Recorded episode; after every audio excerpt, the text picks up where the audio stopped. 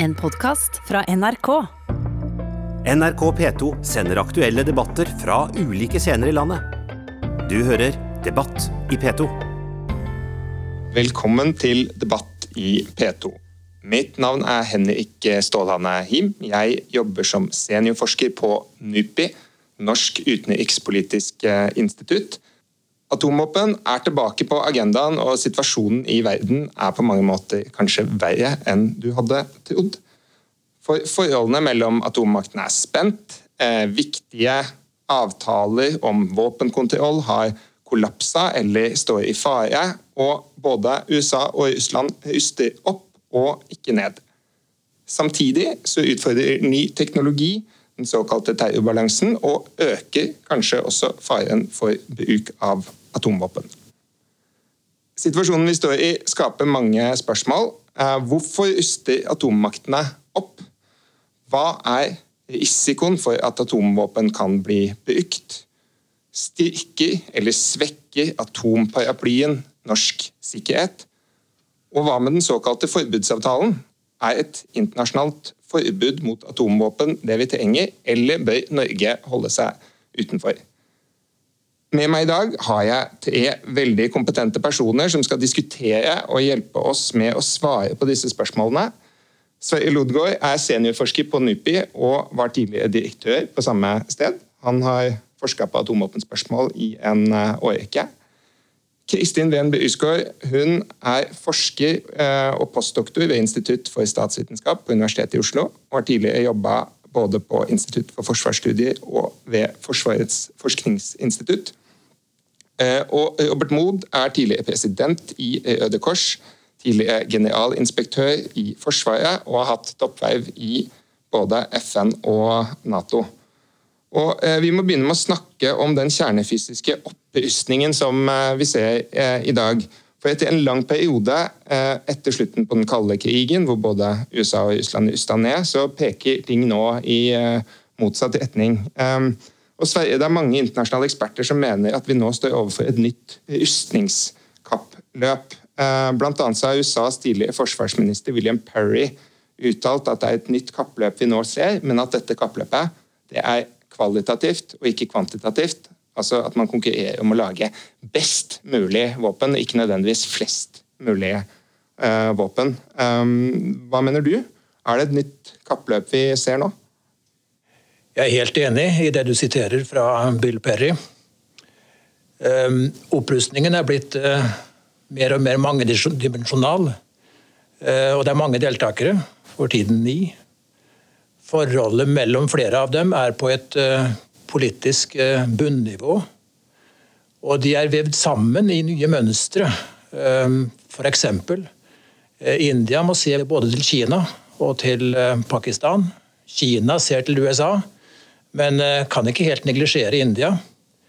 USA har front mot eh, Russland og mot Kina, og Kina og Russland samarbeider seg imellom for å stå imot dette presset. Dette er rustningsdrivende. Og så er det jo helt riktig at uh, veldig mye av dette utspiller seg på den teknologiske arenaen. Fra den kalde krigen uh, husker vi bombefly, ballistiske raketter, kryssermissiler, Uh, økende militær utnyttelse av, av verdensrommet. Og i en uendelig serie av tiltak og, og mottiltak. Og blant mottiltakene er da rakettforsvar mot ballistiske missiler en av de tingene som har underminert rustningskontrollen. Nå er ikke disse våpnene avleggse. De er modernisert, oppgradert, det er kommet nye versjoner, men de er der fortsatt. Eh, så derfor vil f.eks. For forlengelse av den siste eksisterende atomavtalen mellom eh, USA og, og Russland, nye start, forlengelse av den vil fortsatt være viktig, slik at man forhåpentligvis kan forhandle frem noe bedre eh, mens avtalen er, er forlenget. Men så kommer vi til det nye. For det kommer helt nye teknologier eh, inn i dette bildet som ytterligere kompliserer eh, situasjonen. Og Det er f.eks. cyber, eh, det er kunstig intelligens, bioteknologi også. For den saks skyld dronesvermer, hvor de forskjellige dronene har forskjellige oppgaver og samkjøres ved hjelp av kunstig intelligens. Det tilhører ikke virkeligheten i dag, men kan komme til å gjøre det. Så er poenget at uh, dette er ting som vanskelig lar seg kvantifisere, uh, registrere og verifisere. Så her må det tenkes i, i nye baner. Vi skal komme tilbake til nye start, men eh, Kristin, du har forsket på russisk kjernevåpenpolitikk og strategi. og Russland er jo et av de landene som utvikler nye typer atomvåpen. Eh, Bl.a. et atomdrevet eh, missil og visstnok en undervannsdrone utstyrt med atomvåpen. Hvorfor utvikler Russland denne nye typen kapasiteter? Hva er det de vil? Russland eh, utvikler nå eh, et knippe nye eh, våpensystemer som de mener vil gjøre dem i stand til å overkomme ny våpenteknologi, som Sverre nevner. Og da særlig de amerikanske planene for nye typer missilforsvar. altså defensive systemer som kan stanse kjernevåpen.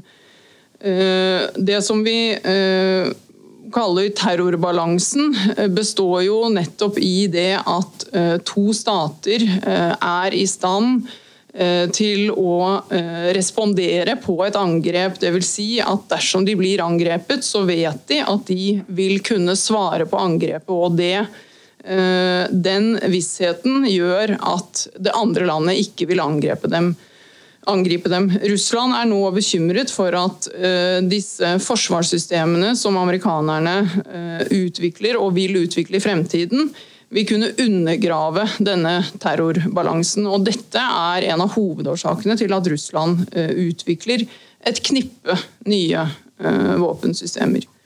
Men eh, jeg vil også si at jeg er eh, helt enig i den uttalelsen eh, fra Bill Perry når det gjelder at det nye rustningskappløpet er kvalitativt, ikke kvantitativt. Og vi skal også huske på at arsenalene, altså de kvantitative arsenalene, antall våpen som både Russland og USA har i dag, har blitt redusert de senere årene, også i perioden etter den kalde krigen. Eh, og at noe av den, eh, eh, den opprustningen som vi ser i dag, faktisk er en modernisering av de eksisterende arsenalene. Så det er flere ulike drivere av den utviklingen vi ser i dag. Der ikke alt handler om at det blir mer, flere våpen. Mens vi snakker om flere våpen, den avtalen som regulerer hvor mange våpen USA og Russland kan utplassere, nye Start eh, den utløper jo nå snart. Fra så har vi sett at INF-avtalen, som regulerte hvor mange, eller altså hvorvidt eh, Russland og USA kunne utplassere bakkebaserte mellomdistanseraketter, den har falt. Eh, nye Start lever kanskje også farlig. Sverre, hva, hva, tror du? Biden har uttalt at han er tilhenger av å forlenge den, men han får for kort tid på seg. Den løper ut 5. Eh, 5. februar. Eh, og det er kort tid. Men eh, hvis det er vilje til å forlenge, så finner man alltid en måte å, å gjøre det på. Og de to har jo mye å snakke om. Og noe lar seg innplassere i den strukturen som, som Nye Start har. Kristin, et av de våpnene som du var borti, våpen med eh, hypersonisk hastighet. Hastighet fem til ti ganger lyden, som ikke, om ikke mer. Eh, det er våpen som lar seg kvantifisere, og som lett lar seg innpasse i den formen for tenkning som ligger til grunn for, for, for nye start. Men spørsmålet er jo da vi i det videre om man greier på noen måte å komme i første rekke rakettforsvaret eh, til livs i, i rustningskontrollsammenheng. Eh, og så er det jo på tide da, å begynne å snakke om hvordan eh, man skal forholde seg til de helt nye teknologiene. Hva gjør man når ting ikke lar seg kvantifisere, når ting ikke lar seg verifisere? Ja, så skal man kanskje snakke om ulike scenarioer, og hvordan de nye teknologiene kan virke inn i ulike scenarioer og kanskje eh, påvirke ting i, i opptrappingsretning. eh, skanne så å si horisonten for slike, slike scenarioer. Og se om det gis mulighet for å eh, begrense eller styre nye teknologier på fornuftig vis. Kristin, hva tenker du? Altså, Island er vel bl.a. opptatt av dette med missilforsvar og regulere dette, men hva med eventuelt andre nye fremvoksende teknologier? Ja, absolutt. Altså, noe av den, øh, den sentrale utfordringen når det gjelder fremtidige rustningskontrollavtaler, er jo nettopp det at denne teknologien har noe ulik verdi for de ulike aktørene vi her snakker om. Nettopp fordi de har ulikt utgangspunkt når det gjelder militære kapasiteter. Det betyr at russerne og kineserne f.eks. er veldig bekymret for den amerikanske konvensjonelle militære teknologien som de mener har konsekvenser for deres kjernefysiske avskrekkingsevne.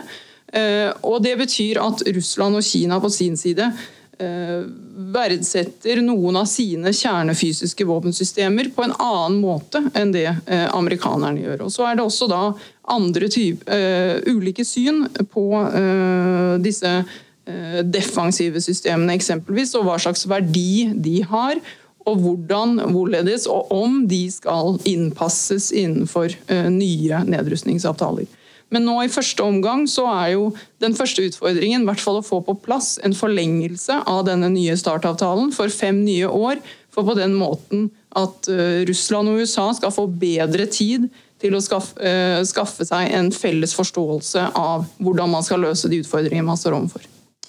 Vi må, videre, vi må, snakke litt mer om avskrekking og den eh, såkalte atomparaplyen, og hvordan atomvåpen påvirker eh, norsk eh, sikkerhet. Eh, hovedgrunnen til at stater utvikler atomvåpen, eh, er jo da kanskje først og fremst at de skal virke avskrekkende. Og selv om Norge ikke har egne atomvåpen, så baserer jo eh, Norge også sin sikkerhet på eh, avskrekking gjennom det man kaller for atomparaplyen. Eh, Kristin, kan ikke du si litt kort bare om hva atomparaplyen eh, er for noe?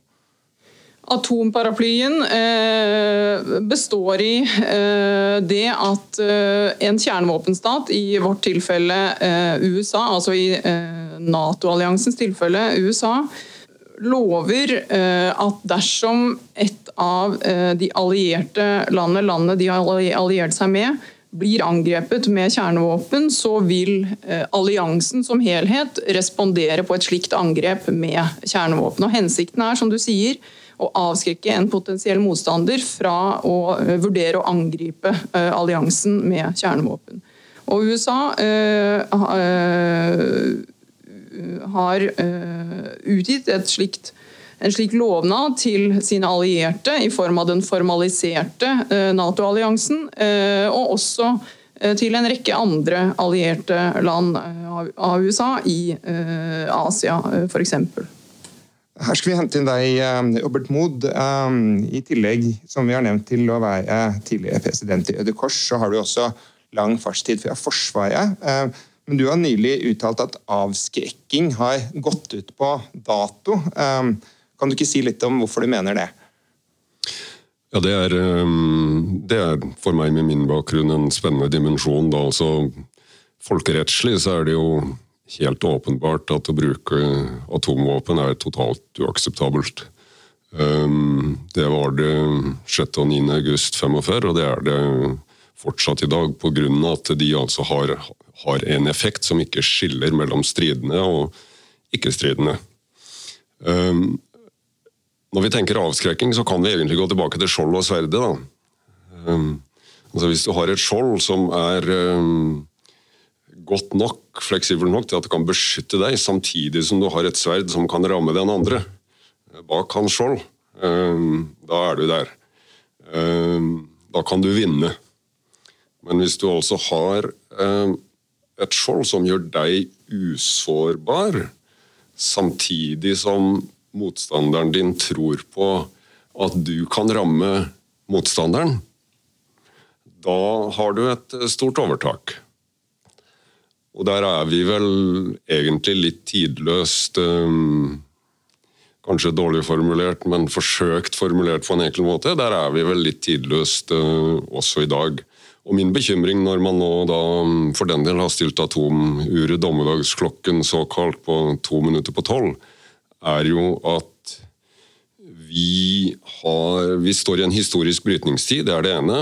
Um, de institusjonelle lederskapsmekanismene eh, som vi etablerte etter andre verdenskrig, og som, som skulle lede oss eh, gjennom eh, opprørt hav, for å si det sånn, de, de Man vil sette forskjellige karakterer på det, men det er vel ikke et sterkt fremoverlent lederskap internasjonalt som, som er trygt. Vi, vi, lever i en brytningstid og en, med en ustabilitet som i seg sjøl er et argument for at eh, atomvåpen blir, blir eh, farligere, fordi at det nærmer seg en situasjon hvor det er reelt at noen kunne finne på å se seg tjent med å gripe til atomvåpen. Rent militærteknisk, da, for å bruke et sånt begrep, så er det jo urovekkende at våpna blir mindre Altså I betydningen kanskje ikke så mye sprengkraft, der er det fleksibilitet, men de blir altså mindre i størrelse. Så Du kan ta en relativt liten granat, skyte det ut fra et artillerirør eh, med presisjon, og militære ledere kan argumentere for at eh, det vil ikke ha eh, påføre nevneverdig skade utover de militære avdelingene eller enhetene som man prøver å ødelegge. Dermed faller si, frykten for å bli fordømt for et voldsomt folkerettsbrudd litt, litt bort som argument. Og bare Et konkret eksempel til, for ikke å bli for lang, det er jo denne, denne, dette kappløpet om dere vil, som vi har sett i, pågår i to-tre tiår, om disse bunkerne, disse godt beskyttede anleggene langt nede i bakken, eh, som det er veldig vanskelig å komme til å ødelegge. Eh, hvor man da har søkt å utvikle atomvåpen med, kombinert med, med, andre typer metaller, som gjør at denne bomben kan trenge så langt ned i bakken før den går av, at den tar ut akkurat én kommandosentral eller et produksjonsanlegg eller den type ting. Så eh, oppsummert så, så er um, hovedårsaken til at jeg har argumentert for at avskrekking har utgått på dato, at vi lever i en verden hvor det ikke lenger er Sovjetunionen og USA mastodonter som står mot hverandre, det klassiske Sjord og Sverige. Det er en langt mer komplekst multipolar verden. Og i en del uh, avkroker så er det en ganske stor økning av risikoen at disse våpnene er i ferd med å bli så små, så fleksible, så lette å bruke at rent militært så kan man se for seg at de politikerne som sitter på kontrollen, vil gi anledning til å bruke de. Det er plutselig et reelt våpen i en taktisk konflikt. At de blir mer fristende Det er Mer fristende å ty til. Det blir lettere å overtale politikere, eller, eller motsatt. Der kan man jo diskutere høna og egget, hvem som tar beslutninger. Eh, Sverre, du har jo også vært eh, inne på at det eksisterer et troverdighetsproblem når det gjelder særlig dette man da kaller utvidet avskrekking eller atomparaplyen. Ideen om at eh, USA skal komme til f.eks. For Norges forsvar og, og bruke atomvåpen. Og, og, du viser til, Det er vel en klassisk formulering, da, ideen om at eh, USA ikke vil ofre Chicago for Paris. Um, kan du si litt mer om hva du, hva du tenker å legge i det? For jeg først lov til å si at eh, Richard Nixon eh, begrunnet ABM-avtalen fra 1972, altså den avtalen som forbød i praksis eh, rakettforsvar, nettopp på den måten du, Robert, nevner her. Hvis du har et skjold, er det lettere å bruke sverdet. Og den, dette var et høydepunkt for Arms Control, det som skjedde i 1972. Men ABM-avtalen gikk altså ut, USA trakk seg ut i, i 2002. Så til eh, det spørsmålet som du stiller her. Eh, atomparaplyen eh, den trives best når det ikke snakkes om den. Men av og til så må man jo også prøve atomparaplyen, for ting forandrer seg. Og Her er det to ting som har forandret seg over de siste 40 årene. For 40 år siden diskuterte vi atomparaplyen. I forbindelse med det som da ble omtalt som euromissildebatten. Du nevnte de Gaulle fra 60-tallet. Henry Kissinger sa for 40 år siden han advarte europeerne mot å be om garantier som USA umulig kan gi. Eh, USA kan ikke påregnes å bruke atomvåpen den gangen mot Sovjetunionen i forsvaret av, eh, av Vest-Europa. Men hvis scenarioet er en konfrontasjon mellom Warszawapakten og Nato, ja, så kunne jo Nato-siden den gangen bruke våpnene sine mot Warszawapakten. Mot styrker, styrker og baser eh, i Øst-Europa. Den muligheten har man ikke nå, for nå er Øst-Europa i Nato. Og så har jeg hatt eh, stor interesse av å se på eh, det lille som kommer ut da, eh, fra Natos militære øvelser, og som Robert kjenner veldig mye bedre enn jeg. Og jeg har sett at når utgangspunktet typisk har vært at Russland bruker atomvåpen mot et Nato-land, ja, så svarer Nato nå til dags enten med konvensjonelle midler eller ved å bruke atomvåpen mot eh, Hviterussland. For Hviterussland er fortsatt vendt østover og er alliert med, med Russland. Men eh, det er jo et veldig smalt militært spor. Så enten vil da eh, avspenne, altså atomparaplyen ikke anvendes. Man responderer konvensjonelt. Eller så vil man altså svare med samme mynt, men da er de aller fleste enige om at det er fryktelig vanskelig å tenke seg et scenario som stopper der, med bruk av bare noen få. Eh, da har vi det gående, mest sannsynlig i, i stor skala.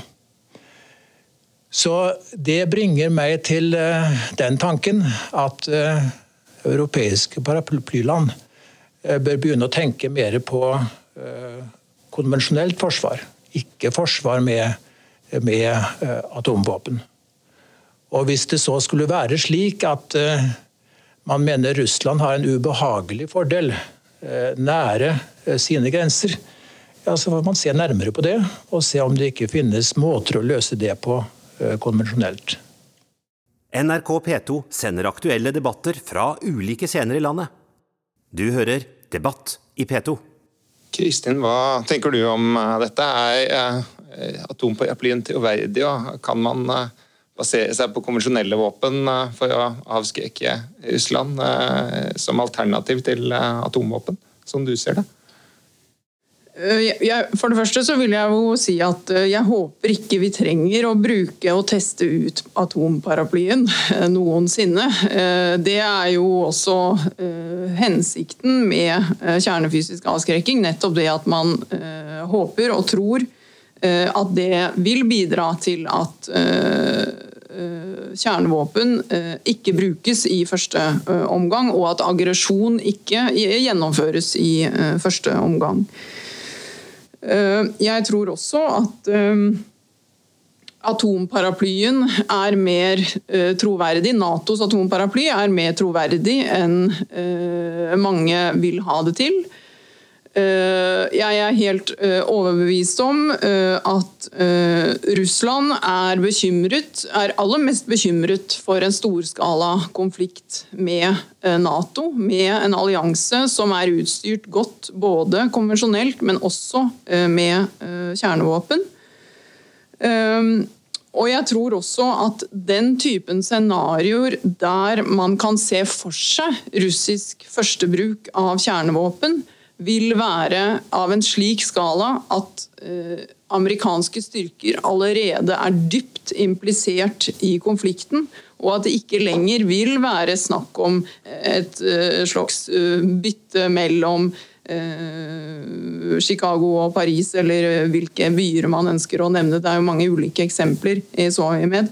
Jeg tror det vil være helt utenkelig for amerikanerne å ikke ikke eh, bli implis eh, direkte implisert i eh, den typen konflikt der, der, Russland potensielt vil kunne tenke seg å bruke kjernevåpen først. Det er jo kun i konflikter, sier russisk doktrine, der, deres, der den russiske statens eksistens er truet. Så Da snakker vi altså om en konflikt der en motstander har gjennomført signifikante angrep mot russisk territorium.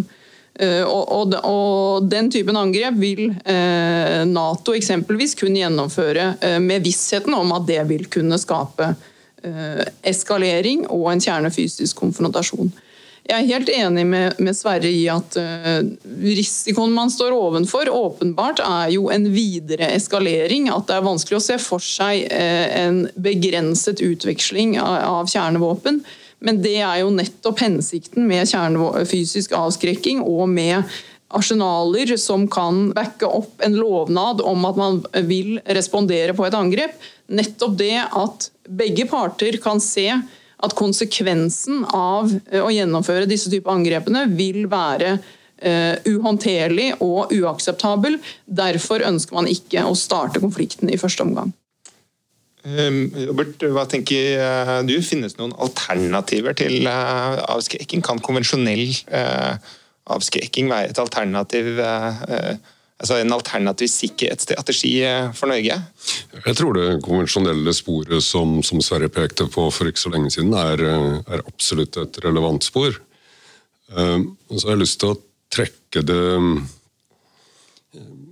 opp i, tilbake igjen til dette med styrker og svakheter. Altså Hvis vi ser på Russland, da, som vi nå snakker om, så er Russlands store fordel i dag det er store stående styrker som på timers varsel kan settes inn enkelt, kombinert med cyberkapasiteter og kombinert med andre typer virkemidler. Ehm, er, den andre store fordelen er enkel kommandokontroll. Det er én leder, og det er ett system. Så hvis vi da veier det opp imot, da, ehm, i denne sammenhengen, og ser Nato som, som den, interessante, den interessante motstanderen, så er også Natos store svakhet er veldig små stående styrker man trenger måneder på å bygge opp en konvensjonell kapasitet. Og Den andre store svakheten det er jo selv om det i demokratisk sammenheng kan være vel så gjerne være en styrke, så er jo det da konsensusprinsippet og beslutningsevnen. ikke sant? Og Noen vil også hevde den voldsomme teknologiske og militære avhengigheten av, av USA. Og Da kan vi trekke opp scenarioer hvor f.eks. Russland i tråd med sin egen doktrine om å beskytte russiske borgere også utenfor Russland, ikke fordi at de gjerne vil ser det som veldig nødvendig å beskytte den russiske minoriteten i, eh, i eh, Estland f.eks. Uh, Syns det er nødvendig å gå inn og beskytte de, men fordi at de vil sette vestlige ledere kombinert med cybervirkemidler i beslutningsdilemmaer som blir umulig å forholde seg til, og som så de kan bruke til å oppnå andre fordeler. Så kan de altså gå inn raskt og timers varsel, sette seg for den del på Kaliningrad eller i nordre delen av Estland. Og da, blir plutselig spill, da havner spillet i eh, Washington og i Brussel, hvorvidt man da ok, skal vi nå eh, svare med trussel om atomvåpen? Har vi type våpen som egner seg, eller skal vi bruke mange måneder på å bygge opp og satse på konvensjonell manøvrering? Eller skal vi svare oppe i Nord-Norge for den del, for å trekke oss inn i scenarioet? Så disse eksisterende fordelene og svakhetene som er der, de åpner for eh, manipulering av beslutningsevnene på vår side, og det åpner opp altså for å skape situasjoner som, eh, hvis vi ikke er oppmerksomme, kan sette atomvåpen i spill på en måte som kan bli vanskelig å kontrollere. Så det kan øke faren for bruk eh, gjør den type scenarioer som eh, som du trekker opp? At man blir presset inn i en sånn type situasjon? Ja, for det blir plutselig da et av de reelle valga du har. Å ty til å true med atomvåpen, og så kommer du inn i en sånn logikk eh, som gjør at vi kan jo se for oss dagens leder i Washington DC, hvordan han ville håndtere den type scenario uten å trekke det for langt. Så lever vi jo i en verden hvor det er disse lederne eh, som sitter med da myndigheten.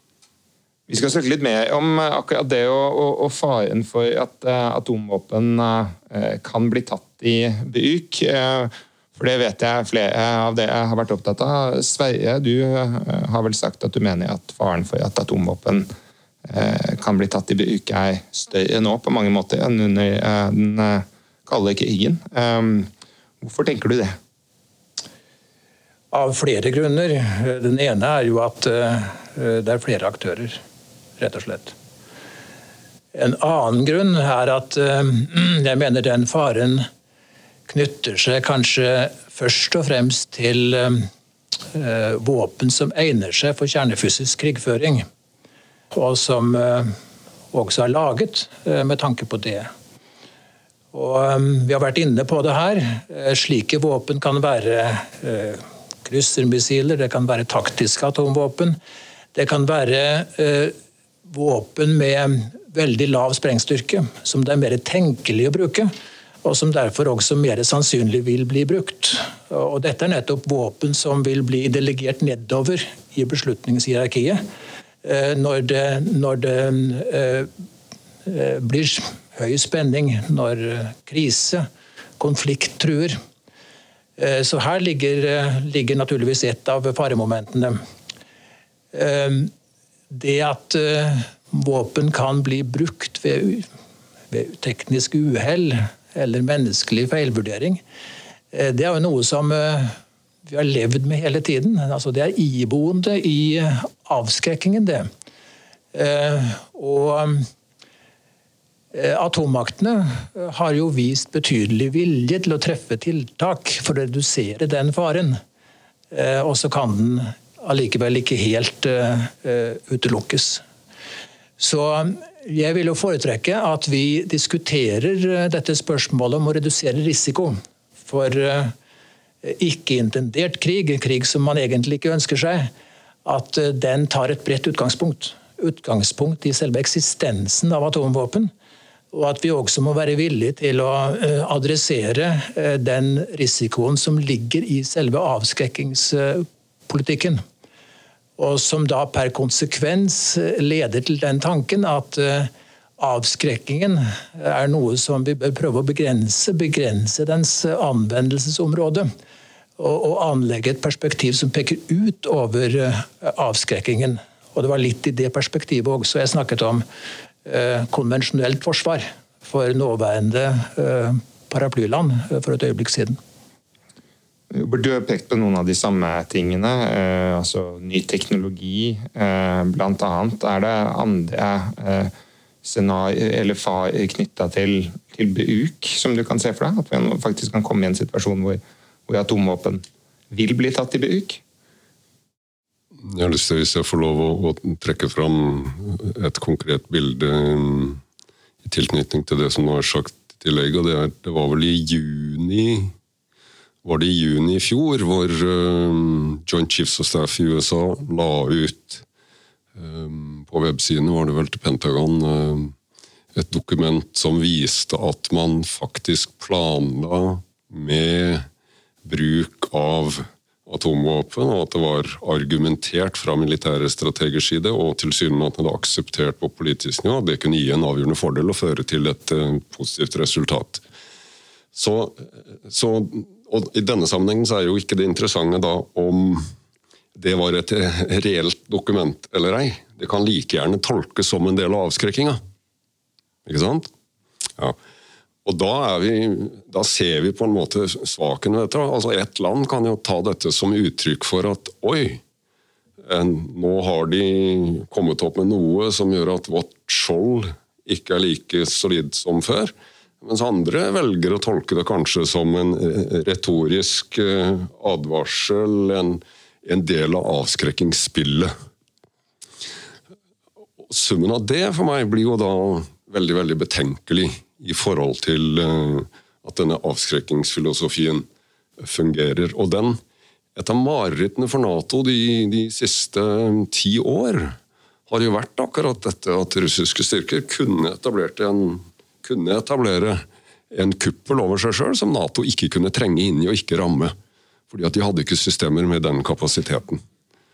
Um, er det mulig å tenke seg andre scenarioer, var jo ditt spørsmål før jeg forsøkte å, å prate oss litt uh, tilbake igjen. Man kan jo her uh, se for seg mange, mange scenarioer. Det ene er jo Estland-scenarioet, hvor Russland altså da fremprovoserer et dilemma uh, for Nato. Det andre er vårt eget klassiske bastionforsvar, hvor du får opp disse diskusjonene ja, men hvorfor i all verden um, skulle det være interessant for Russland å tenke å bruke atomvåpen. Hvis, hvis bastionforsvaret skal ha mening, så må de jo kunne bruke disse områdene etterpå sjøl og, alle disse hensynene. Um, jeg syns det er mer spennende faktisk å tenke i retning India-Pakistan hvor jo rapportene har nevnt akkurat dette, at de delegerer myndigheten, som Sverre sa, veldig lavt nedover i systemet. At artillerigranater, eh, påstås det, kan eh, settes inn på slagmarken uten høyeste politisk godkjenning, og da med atomladninger.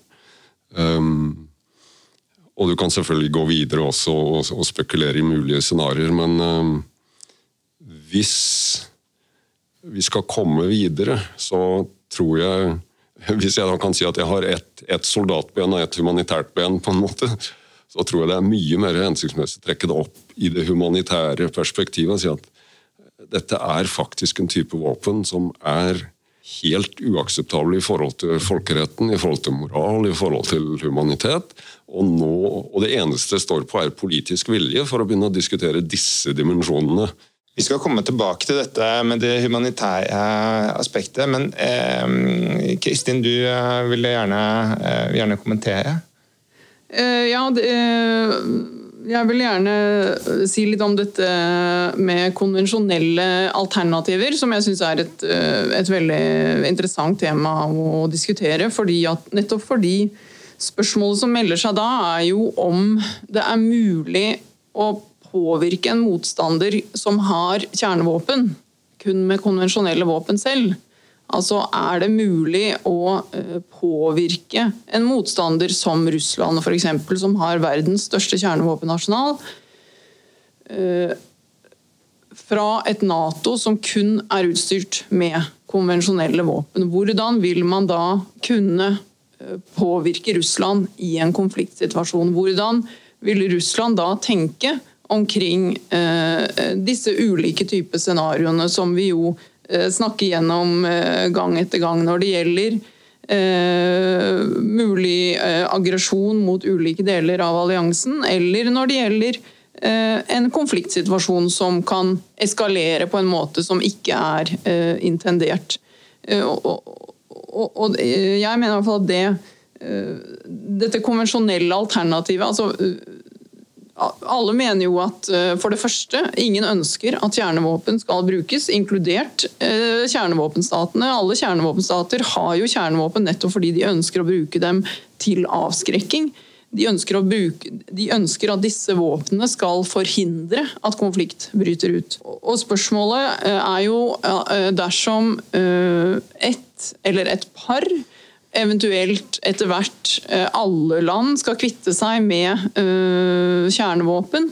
Hva vil konsekvensene av det være for uh, konflikter mellom disse ulike landene?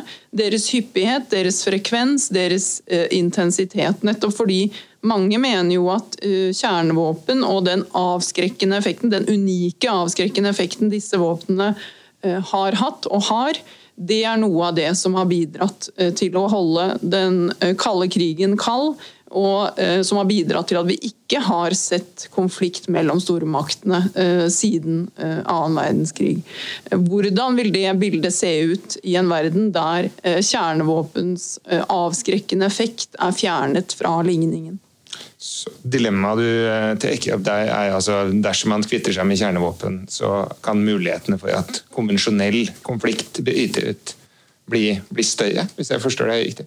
Ja, det er jo i hvert fall en uh, teori eller hypotese mange fremsetter. Det, nettopp det at det er mange usikre momenter her som vi ikke uh, kjenner konsekvensen av. Uh, Robert, du hadde Vi kan ta Sverige først. Jeg stiller meg i kø, jeg. Ja. Eh, hvorvidt atomvåpnene har bevart freden, eh, det er noe som vi umulig kan vite. Eh, for det kan skyldes så mangt. Men det er jo en besnærende tanke, det skal jeg medgi. Fordi at 75 år uten krig mellom stormaktene, det er en lang periode. Så hva kan det skyldes? Og Da er det ikke rart at noen kommer på at det skyldes den nye faktoren i ligningen, atomvåpnene. Men som sagt, dette kan skyldes mange andre ting. Så den ballen må vi, må vi nesten legge død. Når jeg snakker om atomparaplyen og konvensjonelle alternativer for land som ligger under atomparaplyen, så snakker jeg altså om disse landene, og ikke om atommaktene på vestlig side. Jeg har ingen overdrevne, overdrevne forestillinger om at de i nær framtid kommer til å avvikle sine atomvåpen. Uh, så det er, det er utelukkende med tanke på disse landene, som selv ikke har dem, som ligger under det som jeg mener er en myte da, i stor grad, altså atomparaplyen, hva som ville være gode alternativer for dem. Og Der kommer altså det inn i bildet da, at eh, konvensjonelle våpen nå har en så stor treffnøyaktighet eh, at man kan ødelegge en god del militære mål også med, ved konvensjonelle midler. Så konvensjonelle midler har fått et utvidet uh, bruksområde. Og Det betyr altså at uh, det konvensjonelle alternativet uh, det har i dag for Nato-land som ikke har atomvåpen selv, det har større attraksjonsverdi enn før. Og naturligvis veldig mye større attraksjonsverdi enn for 40 år siden. For eh, Russland er ikke Sovjetunionen. Eh, det er noe annet og, og, veldig mye mindre. Så i dag har man på Nato-siden liksom den fordelen at man har ressurser til å utvikle Eh, holde seg med et konvensjonelt forsvar som kanskje eh, kan, kan berolige uten å måtte true med bruk av, av atomvåpen. Jeg får til slutt nevne et gammelt, et gammelt, forslag som nå begynner å bli eh, mer aktuelt igjen. Barack Obama sa i sitt strategidokument fra 2010 at dette er så langt som vi kom denne gangen, men vi vil jobbe for å etablere de objektive betingelsene for en overgang til ikke-førstebruk. Og Hans visepresident, som nå har rykket opp, eh, han sier han er interessert i dette på nytt. Og ikke første bruk skulle altså innebære at eh, man gir atomvåpnene én funksjon og bare én. Eh, avskrekke andre fra å bruke sine. NRK P2 sender aktuelle debatter fra ulike scener i landet. Du hører Debatt i P2. Vi eh, må snakke litt om eh, den såkalte forbudstraktaten eh, også. For den eh, trår i kraft nå ganske snart, 22. januar, ettersom det er 50 stater som nå har eh, ratifisert. Eh, Norge er jo ikke blant eh, de landene. vi holder oss utenfor denne avtalen, som forbyr å utvikle, men også å true med å bruke atomvåpen. Men eh, avtalen den har skapt debatt også her i Norge. Eh, det var nylig seks tidligere norske ledende politikere som tok til orde for at vi bør gå inn i avtalen. Bl.a. tidligere statsminister Kjell Magne Bondevik. Men det var også flere som tok til motmæle mot den. Men Sverre, kan ikke du først si litt om hvordan vi havna der vi er. Eh, for Norge hadde jo en viktig rolle i det arbeidet som eh, førte til denne avtalen på mange måter, det såkalte humanitære initiativet. Eh, hva var det for noe, og hva skjedde med Norges rolle her seinere? Norge var vertskap for den første i en serie konferanser om atomvåpnenes virkninger på mennesker og på, på miljø. Det var mens Espen Barth Eide var eh, utenriksminister. Ehm, og her fikk man altså fremlagt eh, atomvåpnenes eh, konsekvenser i, i noen detalj. Gammelt nytt for oss som var interessert i dette her under den kalde krigen. Men relevant naturligvis i forhold til yngre generasjoner. Og så kunne man oppsummere det som, det som nyere tids forskning hadde hatt å, å legge til.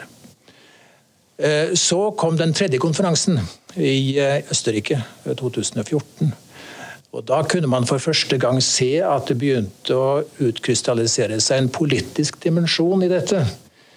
Som ledet fram til forbudstraktaten i 2017. Og Den skapte naturligvis debatt, ikke bare det, forbitrelse også. Denne traktaten stiller alle atommaktene på samme linje. Ikkespredningsavtalen, NPT, anerkjenner jo fem atommakter. Som av og til også omtaler seg som legitime makter. Men ettersom de ikke har klart å innfri sine forpliktelser i henhold til ikkespredningsavtalen om å ruste ned, eh, så vil da de som står bak forbudstraktaten mene at de har tapt sin eh, legitimitet. Og for det andre, og kanskje enda viktigere, så um, uh, har jo forbudstraktaten front mot avskrekkingen. For forbudstraktaten sier nei til enhver bruk, også bruk i, i gjengjeldelsesøyemed. Og det satte altså en viss fyr her da eh, på debatten, så eh, vi har fortsatt en situasjon hvor atommaktene nødig eh, vil, vil snakke med de som står bak forbudstraktaten. Andre land i, i Nato f.eks. Står, står nærmere til for å, for å gjøre det. Men dette er i korte trekk bakgrunnen for den debatten vi i dag har. Robert, eh, du og eh, Røde Kors også har jo da tatt sterkt ord for at Norge skal gå inn i den eh, avtalen. Hvorfor mener du vi bør signere og eventuelt ratifisere? Det er jo det åpenbare humanitære imperativet um, som ligger her. Um, før jeg tar litt mer om det altså kan jeg ikke motstå fristelsen å gå litt tilbake igjen. For når vi diskuterer dette med avskrekking og hva som vil, vil ha størst innflytelse på Russland, eh, så, så, blir jeg sittende litt med tanken på det vi da generaler ofte beskyldes for, at uh, vi skal slåss forrige krig. Vi, vi lever i logikken fra, fra fortiden. Um, jeg må si at Når jeg ser på det russerne har holdt på med i Syria, når jeg ser på det russerne har holdt på med på Krim, eh, når jeg ser på kapasitetene på cyber-AI altså du, du, må utvide dette begrepet konvensjonell, konvensjonelle styrker, så, så klarer jeg ikke å se for meg eh, med bakgrunn fra strategisk planlegging, at det som skulle være Russlands største skrekk, var flere atomvåpen eller uh, eller andre typer atomvåpen. Det som vil være deres største skrekk i et sånt strategisk scenario, det er jo selvfølgelig en kombinasjon av eh, holdt på å si, små grønne menn som kommer inn på deres territorium, i kombinasjon med det konvensjonelle, i kombinasjon med noen som er der fra før av, i kombinasjon med cyber. Altså en, Et annet type scenario er jo en mye større skrekk i, hos planleggerne der borte enn et atomvåpen fra eller til, for å si det slik. Så til underskrivelse av, av Vi skal la Kristin bare kommentere det fort, og så går vi tilbake til forbudsavtalen. Jeg beklager etterpå. at jeg dro oss litt tilbake igjen. Nei, det går helt fint. Men det, det, der kunne ikke jeg motstå, for dette er jo noe av det jeg har sittet og studert veldig inngående nå i ganske mange år. Nettopp hvordan russiske militærstrateger og teoretikere tenker omkring den typen konflikt de kan stå overfor med Nato. Eh, og eh, jeg er helt enig med deg i at det er ikke Natos kjernevåpen de frykter mest. De frykter Natos konvensjonelle overlegenhet og ikke-konvensjonelle metoder eh, for å kunne undergrave den russiske stat, det russiske regimet eksempelvis. Men responsen russerne diskuterer for seg selv, altså hvordan Russland skal kunne respondere på aggresjon, slik de ser for seg, fra Natos side, består av eh, moderniserte konvensjonelle våpensystemer, en rekke ikke-konvensjonelle virkemidler som vi har sett dem benytte nå over eh, en lengre periode, dvs. Si cybervåpen, informasjonsvåpen osv. Og kjernevåpen, som inngår som en helt sentral del av det russiske konseptet eh, for strategisk avskrekking, som de eh, beskriver som et konsept som består av alle disse virkemidlene som de benytter eh, i fredstid, i krise og i konflikt. Kjernevåpen utgjør en helt fundamental del av det settet med virkemidler som russerne ser for seg å benytte i en konflikt mot en motstander som Nato. Og Det er jo nettopp den utfordringen som gjør at vi må tenke igjennom hvordan kan vi påvirke den russiske kalkylen, og hvordan de vil benytte disse virkemidlene. Jeg tror vi må la Russland ligge litt nå for å komme tilbake til forbudsavtalen. Men, men Robert, ja, hvorfor bør Norge gå inn i avtalen? Ja, Det er et spennende aspekt til her. nå. Det er at um, russerne er noen som er gode på propaganda i verden, så er det vel uh, russerne. Så den propagandaen som hvis jeg bruker det ordet som Kristin beskriver, det er akkurat samme propagandaen som gjør at Nato ikke utelukker første bruk av atomvåpen. Fordi at alle andre må tro på at vi er villige til å bruke det. Hva som er under i disse lagene av realiteter, det, en, det kan være en helt annen sak selvfølgelig som vi mener vi vet når det gjelder Nato. Um, det humanitære imperativet det handler jo om referansen til grusomhetene selvfølgelig i Hiroshima og Nagasaki, når man altså så dette våpenet i bruk. Og det handler altså om at um, de aller fleste av disse våpnene, tross alt, hvis vi ser bort fra kaliber og artillerigranater og en del andre, andre systemer, det er store stor ødeleggelseskraft, og som ikke skiller mellom stridende og ikke-stridende. Så hvis du bruker dette våpenet, eh, så begår du altså en forbrytelse mot menneskeheten i utgangspunktet. Og da må vi bare la den parentesen om mindre våpen som kan øke sannsynligheten for bruk, ligge i utgangspunktet. Så det er et krystallklart ståsted fra hele Røde Kors-bevegelsen. Eh, og det er jo inspirert av samtaler med mennesker som sitter i statsledelsen i veldig mange land. Eh, som jo sier, akkurat som det ble referert til, husker ikke om det var Sverre eller deg, som refererte til våre egne eh, tidligere forsvarsministre og statsministre som støtter opp under uh, dette med et opprop. Som gjør oppmerksom på at det, eneste som trengs, er altså politisk vilje. Og utgangspunktet må være det humanitære imperativet. Og den moralske kraft, den i et sånt forbud eh, vil eh, sette en, sette en retning, sette en løype, sette en, eh, et verktøy, et rammeverk, som vil bringe oss i riktig retning, istedenfor i fortsatt den retningen hvor det bærer mot større sannsynlighet for bruk. Men uh, en eh, vanlig motforestilling mot denne avtalen er jo at Norge som Nato-land ikke kan inngå i den. Alltid uh, vi baserer vår sikkerhet på avskrekking gjennom denne atomparaplyen. hva tenker du om, om, den motforestillingen? Det ble jo diskutert, og, nederlenderne var jo en del av den, den diskusjonen. Her hører vel kanskje parentesen med at 80-90% av alt som handler om atomvåpen, uh, er så høyt gradert at eh, vi aldri vil få vite noen ting om det. For det er også sånt som ikke blir avgradert eh, over, over tid. Så det eneste jeg kan bruke der, og, og uten å snakke om ting man ikke burde snakke om, er min egen erfaring fra um, Forsvarets overkommando planlegging her hjemme og, og, den, og militærkomiteen i Nato. Um, og der er min, eh, min refleksjon at vi skal være forsiktige med å overvurdere den negative betydningen av at vi tar en type posisjon som dette. Det, det skal vi være forsiktige med. Kristin, hvis jeg kan spørre, eh, hvis du kan svare kort, hva tenker du? Mener du det er problematisk å gå inn i denne avtalen med tanke på Nato-forpliktelser? Det er jo åpenbart politisk eh, meget eh, problematisk. Det har jo vært eh, meget tydelig fra de deliberasjonene som har funnet sted i, Nato, at det ikke er forenlig med medlemskap i Nato å inngå i denne forbudstraktaten. Og jeg, jeg tror at noe av årsaken til de ulike tolkningene av dette er nettopp det vi var inne på tidligere, nemlig ideen om at avskrekking er eh, avleggs.